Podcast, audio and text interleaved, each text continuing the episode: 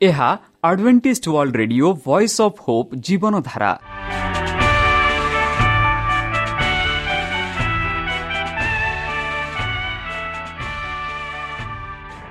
Odia radio କାର୍ଯ୍ୟକ୍ରମ ଯାହା ଆମର ଆନ୍ତର୍ଜାତୀୟ ଆଘାତ କେନ୍ଦ୍ରରୁ ପ୍ରସାରଣ କରାଯାଉଛି ପ୍ରତିଦିନ ରାତି ନଅଟା ତିରିଶ ମିନିଟ୍ରେ। ମୁଁ ସୁବ୍ରତ କୁମାର ପତି ପ୍ରେମର ସହ ଆପଣମାନଙ୍କୁ ଏହି କାର୍ଯ୍ୟକ୍ରମକୁ ସ୍ୱାଗତ କରୁଅଛି। ଚାଲନ୍ତୁ ଆଜିର ତିରିଶ ମିନିଟ୍ର କାର୍ଯ୍ୟକ୍ରମ ବିଷୟରେ ଜାଣିନେବା। ପ୍ରଥମେ ରଖିଛୁ ଆଧ୍ୟାତ୍ମିକ ଭକ୍ତିମୟ ଗୀତ। ଏହାପରେ ଶୁଣିବା ସ୍ୱାସ୍ଥ୍ୟ ବିଷୟରେ ଯାହା ଆମର ଦୈନିକ ଜୀବନରେ ଅତ୍ୟନ୍ତ ଜରୁରୀ। ଆଉ ପରିଶେଷରେ ଶୁଣିବା ପରମେଶ୍ୱରଙ୍କ ଭକ୍ତଙ୍କଠାରୁ ଜୀବନଦାୟକ ଈଶ୍ୱରଙ୍କ ବାକ୍ୟ। ପ୍ରିୟ ଶ୍ରୋତା ତାହେଲେ ଚାଲନ୍ତୁ ଶୁଣିବା ଏକ ଆଧ୍ୟାତ୍ମିକ ଭକ୍ତିମୟ ଗୀତ। ଗୀତ ସଂହିତା ଏକଷଠି ଗୀତ। ମୋହର ସଙ୍କଟ ସମୟରେ ମୁଁ ସଦାପ୍ରଭୁଙ୍କୁ ଡାକିବି। କାରଣ ସେ ମୋର ଆଶ୍ରୟ ଓ ଦୁର୍ଗ ଅଟନ୍ତି। ତାଙ୍କର ପକ୍ଷର ଉହାଡ଼ରେ ସିଏ ମୋତେ ଆଶ୍ରୟ ଦେବେ ଓ ମୁଁ ତାଙ୍କ ଆବାସରେ ପ୍ରବାସ କରିବି।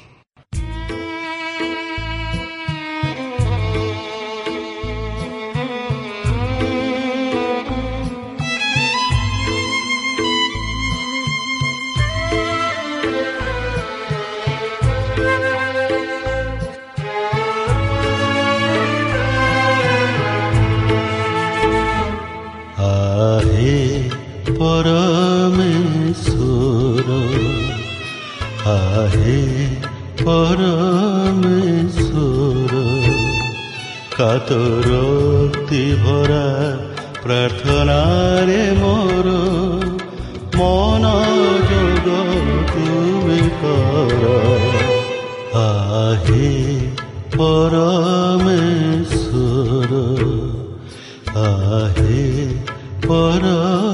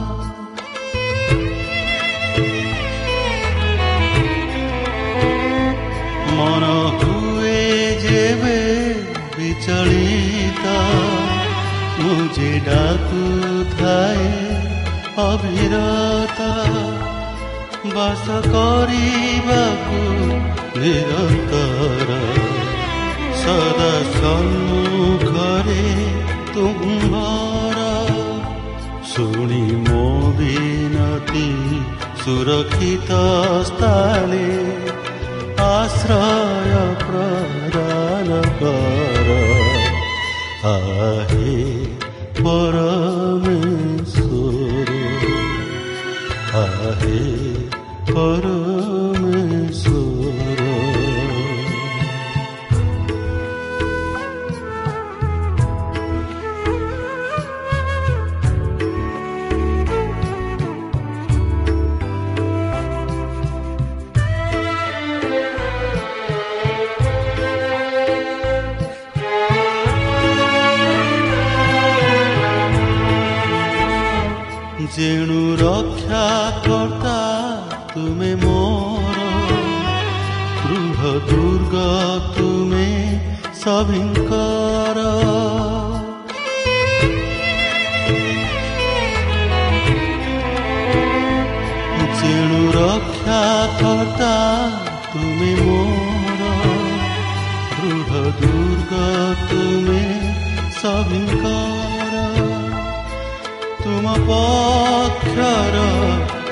ଉହାରରେ ବାସ କରିବି ମୁଁ ଆବାସରେ ଦିନ ପରେ ଦିନ କରିବି ପୂରଣ ମାନତ ସକଳ ମୋର ଆହେ ପରମେଶ୍ୱର आहे ଚତୁରକ୍ତି ଭରା ପ୍ରାର୍ଥନାରେ ମୋର ମନ ଯୋଗ ତୁମେ କର ଆହେ ପରମେ ଆହେ ପରମେ ପ୍ରିୟ ଶ୍ରୋତା ଆମେ ଆଶା କରୁଛୁ ଯେ ଆମର କାର୍ଯ୍ୟକ୍ରମ ଆପଣମାନଙ୍କୁ ପସନ୍ଦ ଲାଗୁଥିବ। ଆପଣଙ୍କର ମତାମତ ଜଣାଇବା ପାଇଁ ଆମର ଏହି ଠିକଣାରେ ଯୋଗାଯୋଗ କରନ୍ତୁ ଆମ ଠିକଣା Adventist media centre SDA mission compound Salisbury Park Pune ଚାରି ଏକ ଏକ ଶୂନ ତିନି ସାତ ମହାରାଷ୍ଟ୍ର ବା ଖୋଲନ୍ତୁ ଆମର ୱେବସାଇଟ୍ ଯେକୌଣସି Android phone smartphone desktop laptop କିମ୍ବା ଟ୍ୟାବ୍ଲେଟ୍ ଆମର website W W W dot A W R dot O R G slash O R I ଏବଂ W W W dot Adventist media centre India dot O R G ବର୍ତ୍ତମାନ ଚାଲନ୍ତୁ ଶୁଣିବା ଈଶ୍ୱରଙ୍କ ଭକ୍ତଙ୍କଠାରୁ ଈଶ୍ୱରଙ୍କ ଜୀବନଦାୟକ ବାକ୍ୟ ନମସ୍କାର ପ୍ରିୟ ଶ୍ରୋତା ସେହି ସର୍ବଶକ୍ତି ସର୍ବଜ୍ଞାନୀ ପ୍ରେମର ସାଗର ଦୟାମୟ ଅନ୍ତର୍ଜମୀ ଅନୁଗ୍ରହ ପରମ ପିତାଙ୍କ ମଧୁର ନାମରେ ମୁଁ ପାଷ୍ଟ ପୂର୍ଣ୍ଣ ଚନ୍ଦ୍ର ଆଉ ଥରେ ଆପଣମାନଙ୍କୁ ଏହି କାର୍ଯ୍ୟକ୍ରମରେ ସ୍ୱାଗତ କରୁଅଛି। ପ୍ରିୟ ଶ୍ରୋତା ସେହି ସର୍ବଶକ୍ତି ପରମେଶ୍ୱର ଆପଣମାନଙ୍କୁ ଆଶୀର୍ବାଦ କରନ୍ତୁ। ଆପଣଙ୍କର ସମସ୍ତ ପ୍ରକାର ଦୁଃଖ କଷ୍ଟ ବାଧା କ୍ଲେଶ ଓ ରୋଗରୁ ଦୂରେଇ ରଖନ୍ତୁ। ଶତ୍ରୁ ସୈତାନ ହସ୍ତରୁ ସେ ସୁରକ୍ଷାରେ ରଖନ୍ତୁ। ବିଶେଷ ଭାବରେ ବର୍ତ୍ତମାନ ଯେଉଁ କରୁଣା ମହାମାରୀ ସାରା ପୃଥିବୀକୁ ଆପଣା ପ୍ରଭାବ ଦେଖାଉଅଛି ସେହି ପ୍ରଭାବରୁ ସେହି ପରମେଶ୍ୱର ଆପଣମାନଙ୍କୁ ସୁରକ୍ଷାରେ ରଖନ୍ତୁ। ତାହାଙ୍କ ପ୍ରେମ ତାହାଙ୍କ ସ୍ନେହ ତାହାଙ୍କ କୃପା ତାହାଙ୍କ ଅନୁଗ୍ରହ ସଦାସର୍ବଦା ଆପଣଙ୍କଠାରେ ସହବର୍ତ୍ତୀ ରହୁ। ପ୍ରିୟ ଶ୍ରୋତା ଚାଲନ୍ତୁ ଆଜି ଆମ୍ଭେ କିଛି ସମୟ ପବିତ୍ର ଶାସ୍ତ୍ର ବାଇବଲଠୁ ତାହାଙ୍କ ଜୀବନଦାୟକ ବାକ୍ୟ ଧ୍ୟାନ କରିବା।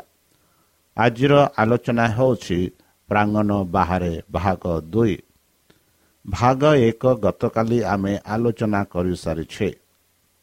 ତାହେଲେ ଚାଲନ୍ତୁ ଆଜି ଆମେ ସେହି ଭାଗ ଏକର ଶେଷ ଭାଗ ଆମେ ଆଲୋଚନା କରିବା। ଯେପରି ଯୀଶୁ କହିଲେ ଯଦି କେହି ମୋର ସେବା କରେ ସେ ମୋତେ ଅନୁସରଣ କରୁ। ମୁଁ ଯେଉଁଠାରେ ଅଛି ମୋର ଦାସ ମଧ୍ୟ ସେଠାରେ ରହିବେ। ଯଦି କେହି ମୋର ସେବା କରେ ତେବେ ସେ ମୋର ପିତାଙ୍କୁ ସମ୍ମାନ କରିବେ। ଯେଉଁମାନେ ଯୀଶୁଙ୍କ ସହିତ ବଲି କୃଷ ବହନ କରିଛନ୍ତି ସେମାନେ ତାଙ୍କ ଗୌରବ ଅଂଶୀଦାର ହେବେ। ତାଙ୍କ ଅପମାନ ଏବଂ ଯନ୍ତ୍ରଣାରେ କୃଷ୍ଣଙ୍କର ଆନନ୍ଦ ଥିଲା ଯେ ତାଙ୍କ ଶିଷ୍ୟମାନେ ତାଙ୍କ ସହିତ ଗୌରବାନ୍ୱିତ ହେବା ଉଚିତ ସେଗୁଡ଼ିକ ହେଉଛି ତାଙ୍କର ବଳିଦାନର ଫଳ। ତାଙ୍କର ନିଜ ଚରିତ୍ର ଏବଂ ଆତ୍ମା ମଧ୍ୟରେ କାର୍ଯ୍ୟ କରିବା ହେଉଛି ତାଙ୍କର ପୁରସ୍କାର ଏବଂ ଅନନ୍ତକାଳ ପର୍ଯ୍ୟନ୍ତ ତାଙ୍କର ଆନନ୍ଦ ହେବା। ଏହି ଆନନ୍ଦ ସେମାନେ ତାଙ୍କ ସହିତ ବାଣ୍ଟନ୍ତି। ଯେହେତୁ ସେମାନଙ୍କ ପରିଶ୍ରମ ଏବଂ ବଳିଦାନର ଫଳ ଅନ୍ୟ ହୃଦୟ ଏବଂ ଜୀବନରେ ଦେଖାଯାଏ। ସେମାନେ କୃଷ୍ଣଙ୍କ ସହିତ ଏକତ୍ର କାର୍ଯ୍ୟ କରନ୍ତି ଏବଂ ପିତା ଯେପରି ତାଙ୍କ ପୁତ୍ରଙ୍କୁ ସମ୍ମାନ କରନ୍ତି ସେମାନଙ୍କୁ ସମ୍ମାନିତ କରିବେ। ବନ୍ଧୁ ଅନଯୋଧୀମାନଙ୍କ ସମାଗମ ପରି ଗ୍ରୀକଙ୍କ ବାର୍ତ୍ତା ଯୀଶୁଙ୍କ ସମଗ୍ର ମିଶନକୁ ମନକୁ ଆଣିଲା। ମୁକ୍ତିର କାର୍ଯ୍ୟ ତାଙ୍କ ଆଗରେ ଗଲା। ଯେତେବେଳେ ସ୍ୱର୍ଗରେ ଯୋଜନା କରାଯାଇଥିଲା ସେହି ମୃତ୍ୟୁ ପର୍ଯ୍ୟନ୍ତ ଯାହା ବର୍ତ୍ତମାନ ପାଖେଇ ଆସୁଥିଲା। ଏକ ରହସ୍ୟମୟ ମେଘ ଈଶ୍ୱରଙ୍କ ପୁତ୍ରଙ୍କୁ ଘେରି ରହିଥିବା ପରି ମନେ ହେଉଥିଲା। ଏହାର ଘୋର ଅନ୍ଧକାର ତାଙ୍କ ନିକଟରେ ଅନୁଭବ କଲା। ସେ ଚିନ୍ତାରେ ବସିଗଲେ। ଶେଷରେ ତାଙ୍କ ସୁଖା କୂଳ ସ୍ୱର ଦ୍ୱାରା ନିରବତା ଭାଙ୍ଗିଗଲା। ବର୍ତ୍ତମାନ ମୋର ଆତ୍ମା ବ୍ୟତୀତ ହୋଇଛି। ଏବଂ ମୁଁ କ'ଣ କହିବି? ପିତା ମୋତେ ଏହି ଘଣ୍ଟାରୁ ରକ୍ଷା କର। ଆଶା କରି ଖ୍ରୀଷ୍ଟ ପୂର୍ବରୁ ତିକ୍ତତା ପାନ କରୁଥିଲେ। ତ୍ୟାଗ କରିବାର ଘଣ୍ଟାରୁ ତାଙ୍କ ମାନବିକତା ହ୍ରାସ ପାଇଲା। ଯେତେବେଳେ ସମସ୍ତ ରୂପରେ ସେ ଈଶ୍ୱରଙ୍କ ଦ୍ୱାରା ମଧ୍ୟ ପରିତ୍ୟୁକ୍ତ ହେବେ ଯେତେବେଳେ ସମସ୍ତେ ତାଙ୍କୁ ଆଘାତ ପ୍ରାପ୍ତ ଈଶ୍ୱରଙ୍କ ଦ୍ୱାରା ପରାହିତ ଏବଂ ଦୁଃଖୀ ଦେଖିବେ ଜନସାଧାରଣଙ୍କ ଅପରାଧୀଙ୍କ ମଧ୍ୟରେ ଖରାପ ବ୍ୟବହାର କରାଯିବା ଠାରୁ ସେ ସଂକୁଚିତ ହୋଇଥିଲେ।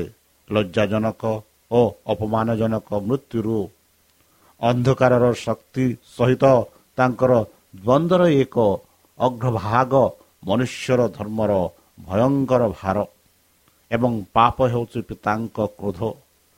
ଯୀଶୁଙ୍କ ଆତ୍ମାକୁ ଦୁର୍ବଳ କରିଦେଲା କରିଦେଲା ଏବଂ ମୃତ୍ୟୁ ମୁଖ ତାଙ୍କ ମୁଖକୁ ବିସ୍ତାର କଲା। ବନ୍ଧୁ ତାପରେ ତାଙ୍କ ପିତାଙ୍କ ଇଚ୍ଛାରେ ଈଶ୍ୱରଙ୍କ ଅଧୀନତା ଆସିଲା। ସେ କହିଲେ ଏହି କାରଣରୁ ମୁଁ ଏହି ଘଣ୍ଟାକୁ ଆସିଥିଲା। ପିତା ତୁମର ନାମକୁ ଗୌରବ ଅନ୍ୟତ୍ଵ କର। କେବଳ କୃଷ୍ଣଙ୍କ ମୃତ୍ୟୁ ଦ୍ୱାରା ଶୟତାନର ରାଜ୍ୟ ଧ୍ୱଂସ ହୋଇପାରିବ। କେବଳ ଏହିପରି ମନୁଷ୍ୟ ମୁକ୍ତ ହୋଇପାରିବ ଏବଂ ଈଶ୍ୱର ଗୌରବମାନିତ୍ୱରେ ଯୀଶୁ ଯନ୍ତ୍ରଣାରେ ସହମତ ହେଲେ। ସେ ବଳିଦାନ ଗ୍ରହଣ କଲେ। ସ୍ୱର୍ଗର ମହିମା ପାପ ବହନକାରୀ ଭାବରେ ଯନ୍ତ୍ରଣା ଭୋଗିବାକୁ ରାଜି ହେଲେ। ସେ କହିଥିଲେ ପିତା ତୁମର ନାମକୁ ଗୌରବମାନ କରିବା ଉଚିତ। ଯେହେତୁ ଖ୍ରୀଷ୍ଟ ଏହି କଥା କହିଥିଲେ ମେଘରୁ ଏହି ପ୍ରତିକ୍ରିୟା ଆସିଲା ଯାହା ତାଙ୍କ ମୁଣ୍ଡ ଉପରେ କହିଲା ମୁଁ ଉଭୟ ଏହାକୁ ଗୌରବବାନିତ୍ୱ ଏବଂ ପୁନର୍ବାର ଗୌରବବାନିତ୍ୱ କରିବି। କୃଷ୍ଣଙ୍କ ସମଗ୍ର ଜୀବନ ଖାଇବା ଠାରୁ ଆରମ୍ଭ କରି ଏହି ବାକ୍ୟ ଗୁଡ଼ିକ କହିବା ପର୍ଯ୍ୟନ୍ତ ଈଶ୍ୱରଙ୍କୁ ଗୌରବବାନିତ୍ୱ କରିଥିଲେ ଏବଂ ଆଗାମୀ ପରୀକ୍ଷାରେ ପରୀକ୍ଷଣରେ ତାଙ୍କର ଈଶ୍ୱରୀୟ ମାନବୀୟ ଯନ୍ତ୍ରଣା ପ୍ରକୃତିରେ ତାଙ୍କ ପିତାଙ୍କ ନାମକୁ ଗୌରବବାନିତ୍ୱ କରିବ। ବନ୍ଧୁ ଏହି ସ୍ୱର ଶୁଣାଗଲା ମେଘରୁ ଏକ ଆଲୋକ ବାହାରି ଖ୍ରୀଷ୍ଟଙ୍କୁ ଘେରି ରହିଲା। ଯେପରି ଅସୀମ ଶକ୍ତିର ବାହୁ ଅଗ୍ନିକ୍ରାନ୍ତ ପରି ତାଙ୍କ ବିଷୟରେ ଫୋପାଡ଼ି ଦିଆଗଲା। ଲୋକମାନେ ଏହି ଦୃଶ୍ୟକୁ ଆତଙ୍କ ଏବଂ ଆଶ୍ଚର୍ଯ୍ୟରେ ଦେଖିଥିଲେ। କେହି କହିବାକୁ ସାହସ କଲେ ନାହିଁ। ନିରବ ଉଠ ଏବଂ ନିଶ୍ୱାସ ପ୍ରଶ୍ୱାସରେ ସମସ୍ତେ ଯୀଶୁଙ୍କ ଆଖିରେ ଠିଆ ହେଲେ। ପରମ ପିତାଙ୍କ ସାକ୍ଷା ଦିଆଗଲା। ମେଘ ଉଠାଇ ଆକାଶରେ ବିଚାଡ଼ି ହୋଇଗଲା। ସମସ୍ତ ପାଇଁ ପିତା ଏବଂ ପୁତ୍ରଙ୍କ ମଧ୍ୟରେ ଦୃଶ୍ୟମାନ ସମ୍ପର୍କ ସମାପ୍ତ ହେଲା। ତେଣୁ ସେଠାରେ ଠିଆ ହୋଇଥିବା ଲୋକମାନେ ଏହା ଶୁଣିଲେ ଯେ ଏହା ବଜ୍ରପାତ କଲା। ଅନ୍ୟମାନେ କହିଲେ ଜଣେ ଦୂତ ତାହାଙ୍କୁ କହିଲେ। କିନ୍ତୁ ଅନୁସନ୍ଧାନକାରୀ ମେଘ ଦେଖିଲେ ସ୍ୱର ଶୁଣିଲେ ଏହାର ଅର୍ଥ ବୁଝିଲେ ଏବଂ ଖ୍ରୀଷ୍ଟଙ୍କୁ ପ୍ରକୃତରେ ଜାଣିପାରିଲେ।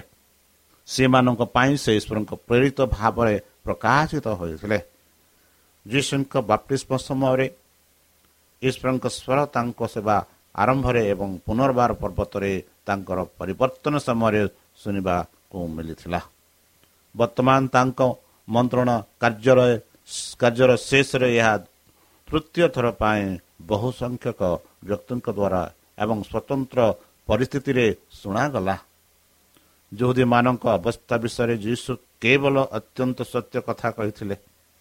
ସେ ତାଙ୍କର ଶେଷ ଆବେଦନ କରିଥିଲେ ଏବଂ ସେମାନଙ୍କ ଦଣ୍ଡ ଘୋଷଣା କରିଥିଲେ। ବର୍ତ୍ତମାନ ଈଶ୍ୱର ପୁନର୍ବାର ତାଙ୍କ ପୁତ୍ରଙ୍କ କାର୍ଯ୍ୟରେ ନିଜର ମୁଦ୍ରା ଲଗାଇଲେ। ସେ ତାହାଙ୍କୁ ଚିହ୍ନିଲେ ଯାହାକୁ ଇସ୍ରାଏଲ ପ୍ରତ୍ୟାଖ୍ୟାନ କରିଥିଲେ। ଯୀଶୁ କହିଲେ ଏହି ସ୍ୱର ମୋ ପାଇଁ ନୁହେଁ ବରଂ ଆପଣଙ୍କ ପାଇଁ ଆସିଛି। ଏହା ତାଙ୍କ ଖ୍ରୀଷ୍ଟାବ୍ଦର ମୁକୁଟ ପ୍ରମାଣ ପିତାଙ୍କ ସଂକେତ ଯେ ଯୀଶୁ ସତ୍ୟ କହିଥିଲେ ଏବଂ ଈଶ୍ୱରଙ୍କ ପୁତ୍ର ସେ ଥିଲେ। ବନ୍ଧୁ ଖ୍ରୀଷ୍ଟ ଜାରି ରଖିଛନ୍ତି। ବର୍ତ୍ତମାନ ଏହି ଜଗତର ବିଚାର ବର୍ତ୍ତମାନ ଏହି ଜଗତର ରାଜକୁମାରକୁ ବାହାର କରି ଦିଆଯିବ ଏବଂ ମୁଁ ଯଦି ପୃଥିବୀର ଉପରକୁ ଉଠେ ତେବେ ମୁଁ ସମସ୍ତଙ୍କୁ ମୋ ପାଖକୁ ଆଣିବି। ଏହିପରି ଯୀଶୁ କହିଲେ। ସେ କେଉଁ ମୃତ୍ୟୁରେ ମୃତ୍ୟୁବରଣ କରିବେ ତାହା ସୂଚାଇ ଦେଇଛନ୍ତି। ଏହା ହେଉଛି ବିଶ୍ୱର ସଙ୍କଟ ଯଦି ମୁଁ ମନୁଷ୍ୟର ପାପ ପାଇଁ ପ୍ରାୟୋଚିତ ହୁଏ ତେବେ ଜଗତ ଆଲୋକିତ ହେବ। ମନୁଷ୍ୟର ଆତ୍ମା ପରେ ସୟତାନର ଧାରଣା ଭାଙ୍ଗିଯିବ।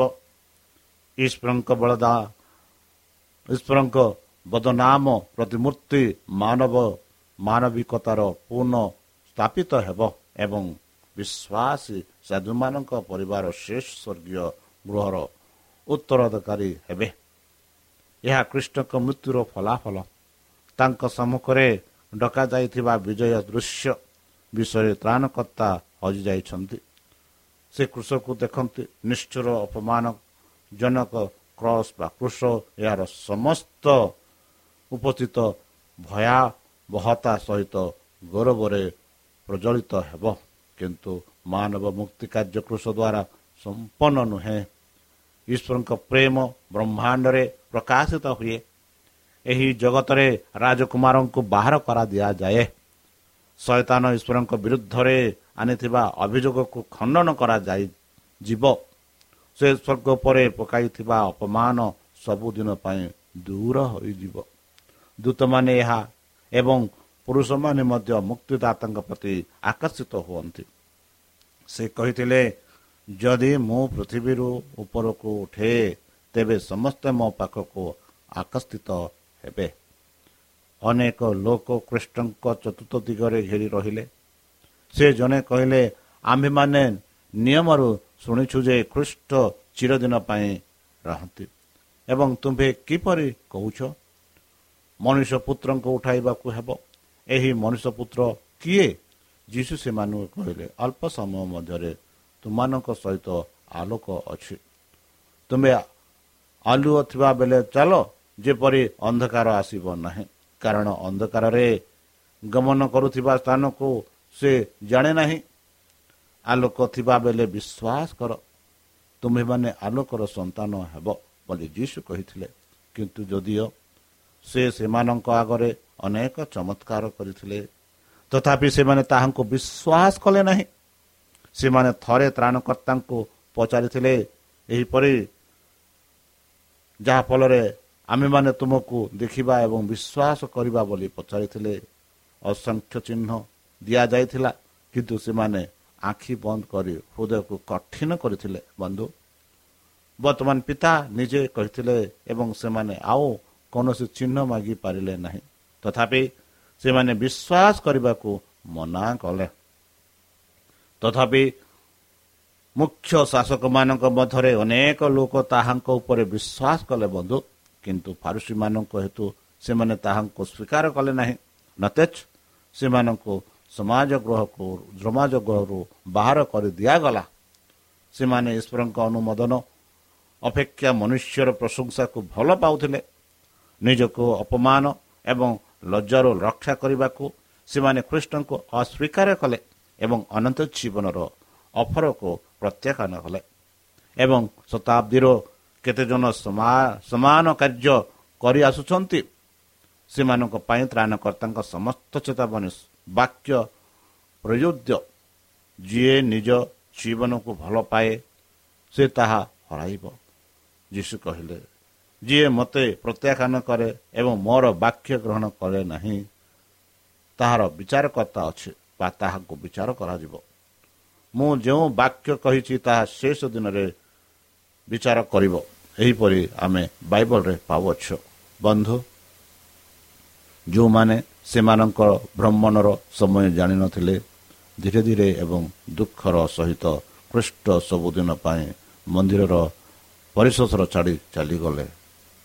ଆଉ ସେଇ ସେଇଦିନଠୁ ଆମେ ଦେଖୁଛୁ ବନ୍ଧୁ ଯୀଶୁଖ୍ରୀଷ୍ଟଙ୍କୁ କୃଷରେ ଟଙ୍ଗାଗଲେ ଟଙ୍ଗାଗଲା ଯିଏକି ଆମମାନଙ୍କ ପାଇଁ ଆପଣା ଜୀବନ ଦାନ ଦେଲେ ସେହି ସଦାପ୍ରଭୁ ପରମେଶ୍ୱର ଏହି ସବୁ ଆପଣା ଶିଷ୍ୟମାନଙ୍କୁ ବୁଝେଇ କହିଥିଲେ ଏହି ଘଟଣା ହେବା ପୂର୍ବରୁ ଆଉ ସେମାନେ ତାଙ୍କ ସହ ଥିଲେ ଆଉ ଯୀଶୁ ପ୍ରଭୁକୁ ଚିହ୍ନି ପାରିଲେ ନାହିଁ ସେହି ଫାରୁସୀମାନେ ସେହି ଯାଜକମାନେ ସେହି ସେବକମାନେ ଯୀଶୁଖ୍ରୀଷ୍ଟଙ୍କ ବିଷୟରେ କେତେ ଲୋକ ବିଶ୍ୱାସ କରୁଥିଲେ ମାତ୍ର। ସେମାନଙ୍କ ଅହଙ୍କାର ସେମାନଙ୍କ ସମାଜ ସମ୍ମାନକୁ ମନରେ ରଖି ସେମାନଙ୍କୁ ସ୍ୱୀକାର କଲେ ନାହିଁ। ହଁ ବନ୍ଧୁ ଆମ୍ଭେମାନେ ମଧ୍ୟ ବେଲେ ବେଲେ ଏହିପରି କରିଥାଉ ଯେବେ ଆମେମାନେ ଆମ ଆପଣ ସମାଜରେ ବାସ କରିଲା ବେଳେ ଯୀଶୁଖ୍ରୀଷ୍ଟଙ୍କୁ ସ୍ୱୀକାର କରିବା ପାଇଁ ଆମେ ପଛଇ ହୋଇଥାଉ। ତାହାଙ୍କ ଆଶୀର୍ବାଦ ତାହାଙ୍କ ଚମତ୍କାର ଯାହା ଯାହା ଆମ ଜୀବନରେ ଘଟିଅଛି ତାହା ସ୍ୱୀକାର କରିବା ପାଇଁ ଆମେ ପଛଇ ହୋଇଥାଉ। ଯେପରି ଏହି ଜୁହୁଦୀମାନେ ଶାସକମାନେ ଏହି ଫାରୁସୀମାନେ ସେମାନେ ଯୀଶୁଖ୍ରୀଷ୍ଟଙ୍କୁ ବିଶ୍ୱାସ କରୁଥିଲେ ହେଲେ ହିଁ ଆପଣା ଅହଙ୍କାର ଆପଣା ସମ୍ମାନକୁ ବଞ୍ଚାଇବା ପାଇଁ ସେମାନେ ଯୀଶୁଙ୍କୁ ଅସ୍ୱୀକାର କରିଥିଲେ ତାହେଲେ ପ୍ରିୟସତା ଚାଲନ୍ତୁ ଯିଏକି ଆମମାନଙ୍କ ପାଇଁ ଆପଣା ଜୀବନ ଦାନ କଲେ ଯେପରି ତାଙ୍କ ଜୀବନ ଦ୍ୱାରା ଆମେ ଅନନ୍ତ ଜୀବନ ପ୍ରାପ୍ତ ହୋଇପାରିବା ତାହେଲେ ଚାଲନ୍ତୁ ନିଜକୁ ସମର୍ପଣ କରି ତାହାଙ୍କ ମଧୁର ନାମରେ ଆମେ ପ୍ରାର୍ଥନା ଉତ୍ସର୍ଗ କରିବା ହେ ଆମ୍ଭମାନଙ୍କ ସର୍ବଶକ୍ତି ସର୍ବଜ୍ଞାନୀ ପ୍ରେମର ସାଗର ଦୟାମୟ ଅନ୍ତର୍ଜମୀ ଅନୁଗ୍ରହ ପିତା ଧନ୍ୟବାଦ ଅର୍ପଣ କରୁଅଛୁ ବର୍ତ୍ତମାନ ଯେଉଁ ବାକ୍ୟ ତୁମ ସେହି ଭକ୍ତଙ୍କ ଦ୍ୱାରା ଶୁଣାଇଲେ ସେହି ବାକ୍ୟ ଅନୁସାରେ ଏମାନଙ୍କୁ ଚାଲିବା ପାଇଁ ବୁଦ୍ଧିରେ ଜ୍ଞାନରେ ଶକ୍ତିରେ ପରିପୂର୍ଣ୍ଣ କର। ଆମ ପାପ ସବୁ ତୁମ ସେହି ବହୁମୂଲ୍ୟ ରକ୍ତରେ ପରିଷ୍କାର କରି ଧୋଇ ଦିଅ ହଁ ପ୍ରଭୁ ବର୍ତ୍ତମାନ ଯେଉଁ ସମୟରେ ଆମେ ବାସ କରୁଅଛେ ଆମ ଚାରିପଟେ ଅନେକ ପ୍ରକାର ଅପରାଧ ଘେରି ରହିଅଛି। ଶୟତାନ ତାଙ୍କ ପ୍ରଲୋଭନରେ ନେବା ପାଇଁ ଅନେକ ପ୍ରକାର ଚେଷ୍ଟା କରୁଅଛି। ହେ ପରମେଶ୍ୱର ଆମମାନଙ୍କୁ ସେହି ପବିତ୍ର ଆତ୍ମା ଦ୍ୱାରା ଆମମାନଙ୍କୁ ପରିଚାଳନା କର ଶତ୍ରୁ ସୈତାନ ହସ୍ତରୁ ଦୂରେଇ ରଖ। ବିଶେଷ ରୂପରେ ବର୍ତ୍ତମାନ ଯେଉଁ କରୋନା ମହାମାରୀ ସାରା ପୃଥିବୀକୁ ଆପଣା ପ୍ରଭାବ ଦେଖାଉଅଛି ସେହି ପ୍ରଭାବରୁ ଆମମାନଙ୍କୁ ଦୂରେଇ ରଖ।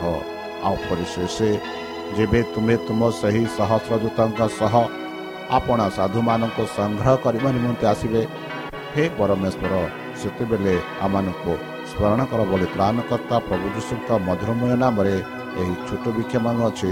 ଶୁନି ଗ୍ରହଣ କର। ଗୀତ ସଂହିତା ସତସ୍ତରୀ ଗୀତ। ମୁଁ ଯେବେ ଉଚ୍ଚ ସ୍ୱରରେ ସଦାପ୍ରଭୁଙ୍କୁ ଡାକ ପକାଏ ସଙ୍କଟ ସମୟରେ ଯେବେ ମୋର ପ୍ରାଣ ବ୍ୟତୀତ ହୁଏ ସେତେବେଳେ ମୁଁ ତାହାଙ୍କ କୃତ ଆଶ୍ଚର୍ଯ୍ୟ କାର୍ଯ୍ୟକୁ ମନେ ପକାଏ ଓ ଆଶ୍ୱାସନା ପାଏ।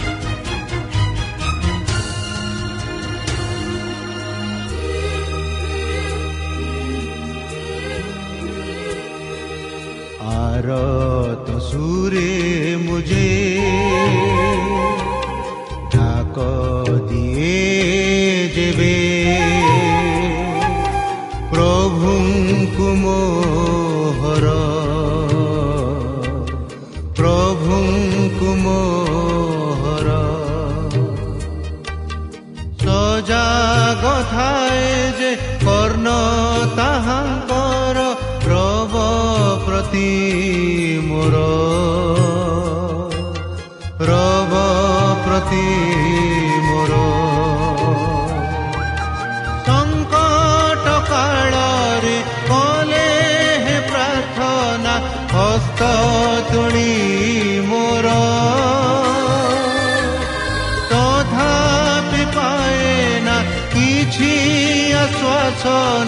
दुखी प्रण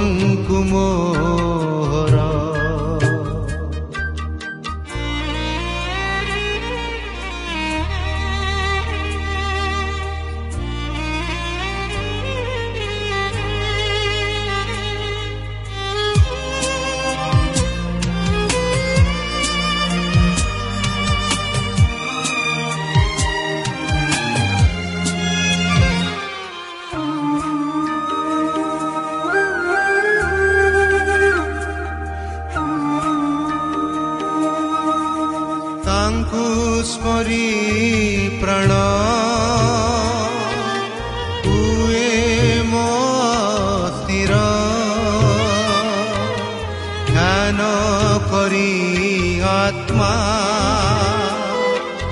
ମୂର୍ଚ୍ଛା ଯାଏ ମୋର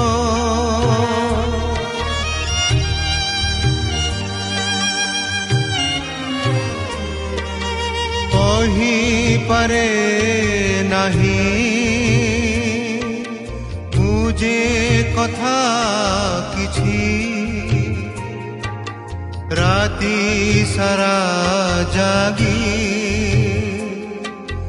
ଭାବୁଥାଏ ବସି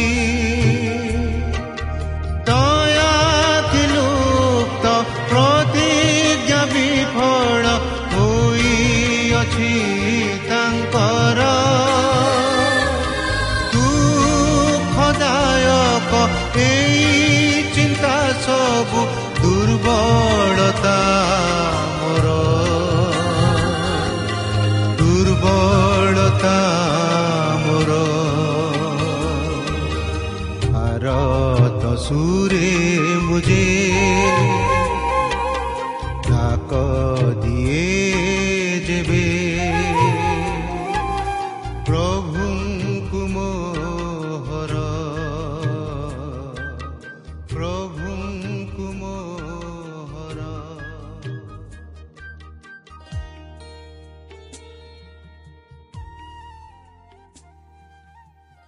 প্রিয় শ্রোতা ଆମେ ଆଶା କରୁଛୁ ଯେ ଆମର କାର୍ଯ୍ୟକ୍ରମ ଆପଣମାନଙ୍କୁ ପସନ୍ଦ ଲାଗୁଥିବ ଆପଣଙ୍କର ମତାମତ ଜଣାଇବା ପାଇଁ ଆମର ଏହି ଠିକଣାରେ ଯୋଗାଯୋଗ କରନ୍ତୁ ଆମ ଠିକଣା Adventist media centre SDA mission compound Salisbury Park Pune ଚାରି ଏକ ଏକ ଶୂନ ତିନି ସାତ ମହାରାଷ୍ଟ୍ର ବା ଖୋଲନ୍ତୁ ଆମର ୱେବ୍ସାଇଟ୍ ଯେକୌଣସି Android phone smartphone desktop laptop କିମ୍ବା ଟ୍ୟାବ୍ଲେଟ୍ ଆମର website W W W dot A W R dot O R G slash O R I ଏବଂ W W W dot Adventist media centre India dot O R G Adventist media centre ଇଣ୍ଡିଆର spelling ହେଉଛି A D V E N T I S T M E D I A C E N T R E I N D I A ଅଥବା download କରନ୍ତୁ ଆମର mobile app ଆପଣଙ୍କର mobile play ଷ୍ଟୋରକୁ ଯାଆନ୍ତୁ ଆଉ type କରନ୍ତୁ